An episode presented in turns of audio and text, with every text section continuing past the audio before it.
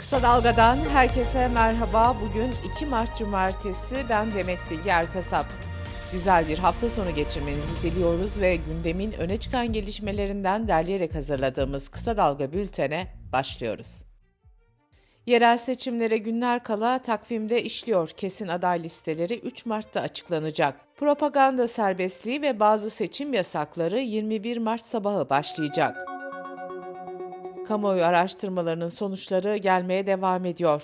Alf araştırmaya göre Ankara'da Mansur Yavaş en yakın rakibi Turgut Altınok'un 4 puan önünde. Metropol'ün İstanbul'daki son anketine göre Ekrem İmamoğlu %43,5, Murat Kurum %40,2 oy alabiliyor. Siyaset kulisleri de hareketli. İktidar kulislerinde İstanbul'daki yarış için başa baş yorumu yapılıyor.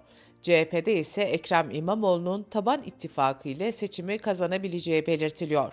BBC Türkçe'den Ayşe Sayın'ın haberine göre AK Parti'de Hatay, Antalya ve Eskişehir'in CHP'den alınacağı hesabı yapılıyor.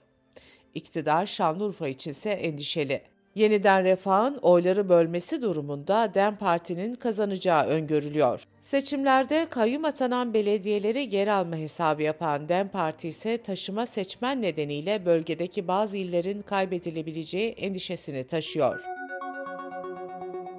CHP lideri Özgür Özel, Hatay'da anket yaptırdıklarını ve kazanırsak Lütfü Savaş'ta kazanırız sonucunun çıktığını belirtti. Özel, Hatay'da ankete koymak için Haluk Levent'in yanı sıra oyuncu Mert Fırat'a da teklif götürdüklerini ancak kabul etmediğini anlattı. DEM Parti tarafından seçim güvenliğini tehdit eden usulsüzlüklerin incelenmesi amacıyla meclise sunulan araştırma önergesi AK Parti ve MHP milletvekillerinin oylarıyla reddedildi. İstanbul Ok Meydanı'nda 2014 yılında cenazeye katılmak için gittiği cemevinin avlusunda polis kurşunuyla hayatını kaybeden Uğur Kurt davasında yeni karar çıktı. İlk yargılamada 12.100 lira para cezasına çarptırılan sanık polis, Anayasa Mahkemesi'nin ihlal kararı sonrasında görülen davada 2 yıl 6 ay hapis cezasına çarptırıldı. Uğur Kurt'un eşi Narin Kurt karara tepki göstererek bu kararı asla kabul etmeyeceğim dedi. Yerbilimci Profesör Doktor Naci Görür, Antalya'nın deprem risklerine karşı uyarılarda bulundu. Antalya Körfezi'nde tsunami riskinin olduğunu ve olası bir depremde doğu yakasının sulara gömüleceğini söyleyen Görür, gökdelen dikmek yerine risk haritaları çıkarılmalı dedi. Cumhuriyet Halk Partisi'nin Meclis Genel Kurulu'nda gazetecilere yönelik baskı, şiddet, tutuklama ve ceza uygulamalarının araştırılması hakkında verdiği grup önerisi Cumhur İttifakı milletvekillerinin oylarıyla reddedildi. Yargıtay'dan evlilikleri ilgilendiren önemli bir karar çıktı. Yargıtay, kayınvalidenin gelinine hakaret etmesine sessiz kalan erkeği kusurlu buldu. Bu durumun kadının kişilik haklarına saldırı niteliğinde olduğunu ifade eden Yargıtay, erkeğin boşandığı eşine tazminat ödemesine hükmetti. Kısa Dalga Bülten'de sırada ekonomi haberleri var. Üretici ile market arası fiyat farkı %634'ün de üzerine çıktı. Türkiye Ziraat Odaları Birliği Başkanı Şemsi Bayraktar'ın verdiği bilgilere göre üretici ve market arasında en fazla fiyat farkı %634.4 ile limonda görüldü. Üreticide 2 lira 50 kuruş olan limon markette 18 lira 36 kuruştan satıldı. Üreticide 3 lira 50 kuruş olan portakalın satış fiyatı ise 23 lira 53 kuruş oldu. Kuru incir ise üreticide 115 lirayken markette 506 liraya satıldı. İstanbul'un enflasyonu açıklandı. İstanbul'da Şubat ayında önceki aya göre perakende fiyatlar %4.7, toptan fiyatlar ise %4.64 arttı. Yıllık bazda ise değişim oranı perakendede %76.58, toptan fiyatlarda da %65 olarak gerçekleşti. Kırmızı et fiyatlarına 15 günde iki kez zam geldi. MHP Genel Başkan Yardımcısı İzzet Ulvi Yönter ise bu artışı FETÖ'ye bağlayarak bu bir siyasi operasyon dedi. Brent petrol fiyatları ve dövizdeki değişiklikler akaryakıt fiyatlarına zam ya da indirim olarak yansıyor. Son değişiklikle motorine 1 lira 34 kuruş indirim geldi. İstanbul Sanayi Odası Satın Alma Yöneticileri Endeksi anketinin Şubat sonuçları açıklandı. Ocak ayında 49.2 olarak gerçekleşen endeks Şubat'ta 50.2'ye çıktı. Endekste 50'nin üzerinde ölçülen tüm rakamlar sektörde iyileşmeye işaret ediyor. Avrupa Parlamentosu Avrupa kentlerinde giderek artan konut sorununa karşı halkı korumak amacıyla Airbnb gibi uygulamalara sınırlama getiren yasal düzenlemeyi kabul etti. Yasa, uzun vadeli kiralamaların azalması nedeniyle konut sektörü üzerinde oluşan baskıyı azaltmayı amaçlıyor. Türkiye'de de 100 günden az süreyi kapsayan konut kiralamaları turizm amaçlı konut kiralaması kapsamına alınmıştı. Dış politika ve dünyadan gelişmelerle bültenimize devam ediyoruz. İsrail'in Gazze şeridine yönelik saldırıları devam ederken bölgede insani kriz her geçen gün derinleşiyor. Gazze'de bir hafta içinde açlık ve susuzluktan ölen çocukların sayısı ona yükseldi.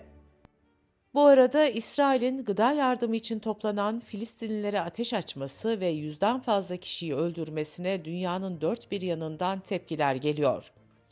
Dışişleri Bakanlığı'nın açıklamasında İsrail, Nabulsi Meydanı'ndaki Filistinleri öldürerek işlemekte olduğu insanlığa karşı suçlara bir yenisini daha eklemiştir denildi. ABD Başkanı Joe Biden ise bu kanlı olayın ateşkes görüşmelerini zorlaştıracağını söyledi.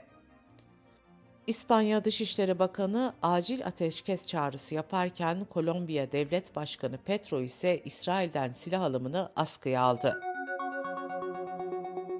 ABD Senatosu Cumhuriyetçi Senatörün Türkiye'ye 23 milyar dolarlık F-16 satışını durdurma teklifini 61'e karşı 10 oyla reddetti. Avrupa Birliği'nin sınır koruma ajansı Frontex, Bulgaristan'ın Türkiye ve Sırbistan sınırında görev yapan personel sayısını 3 katına çıkarmayı planlıyor. Bulgaristan'da görevlendirilecek yeni memurlar arasında insan haklarının gözetilmesine yönelik uzmanlar da bulunacak. Avrupa Parlamentosu çiftçilerin yoğun protestolarına neden olan çevre koruma yasasını onaylamıştı. Avrupa'nın dört bir yanındaki çiftçiler yasadaki kısıtlayıcı uygulamaları, Avrupa dışı ülkelerden yapılan ithalatı ve düşük gelirleri haftalardır protesto ediyor. Çiftçiler son olarak Paris'teki Zafer Takı anıtının çevresinde pankartlar açtı. Maddi sıkıntılar nedeniyle intihara sürüklenen meslektaşlarının anısına çelenk bırakan çiftçiler, devlet bizi duymuyor dedi. Güney Kore hükümetinin daha fazla tıp öğrencisi yetiştirme planına karşı çıkan binlerce stajyer hekim greve çıkmıştı. Hükümet 20 Şubat'tan beri devam eden grevin bitirilmesini istemişti. Ancak hekimler grevden dönmedi. Polis, Kore Tabipler Birliği ofislerine baskın yaptı. Tabipler Birliği pazar günü ülke genelinde 25 bin kişinin katılacağı eylem düzenleyecek. Enflasyonun %254'e çıktığı Arjantin'de sendikalarla hükümet arasındaki görüşmeler sonuçsuz kaldı ve çalışanlar 24 saatliğine genel greve gitti.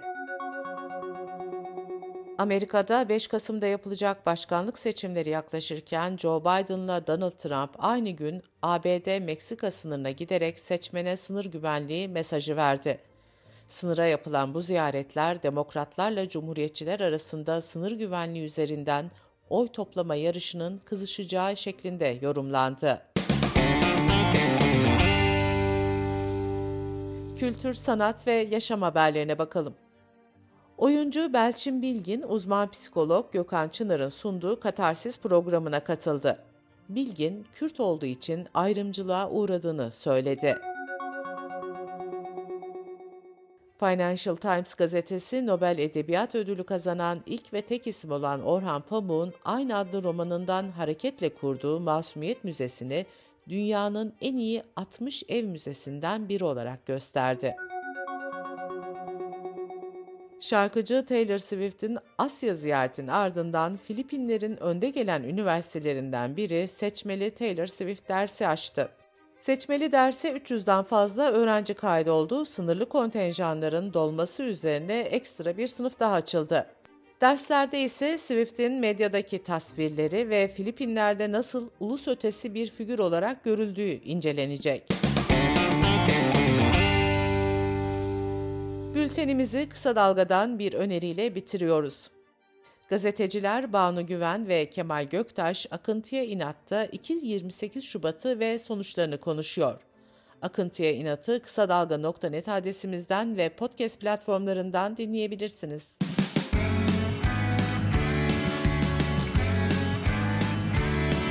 Kulağınız bizde olsun. Kısa Dalga Podcast.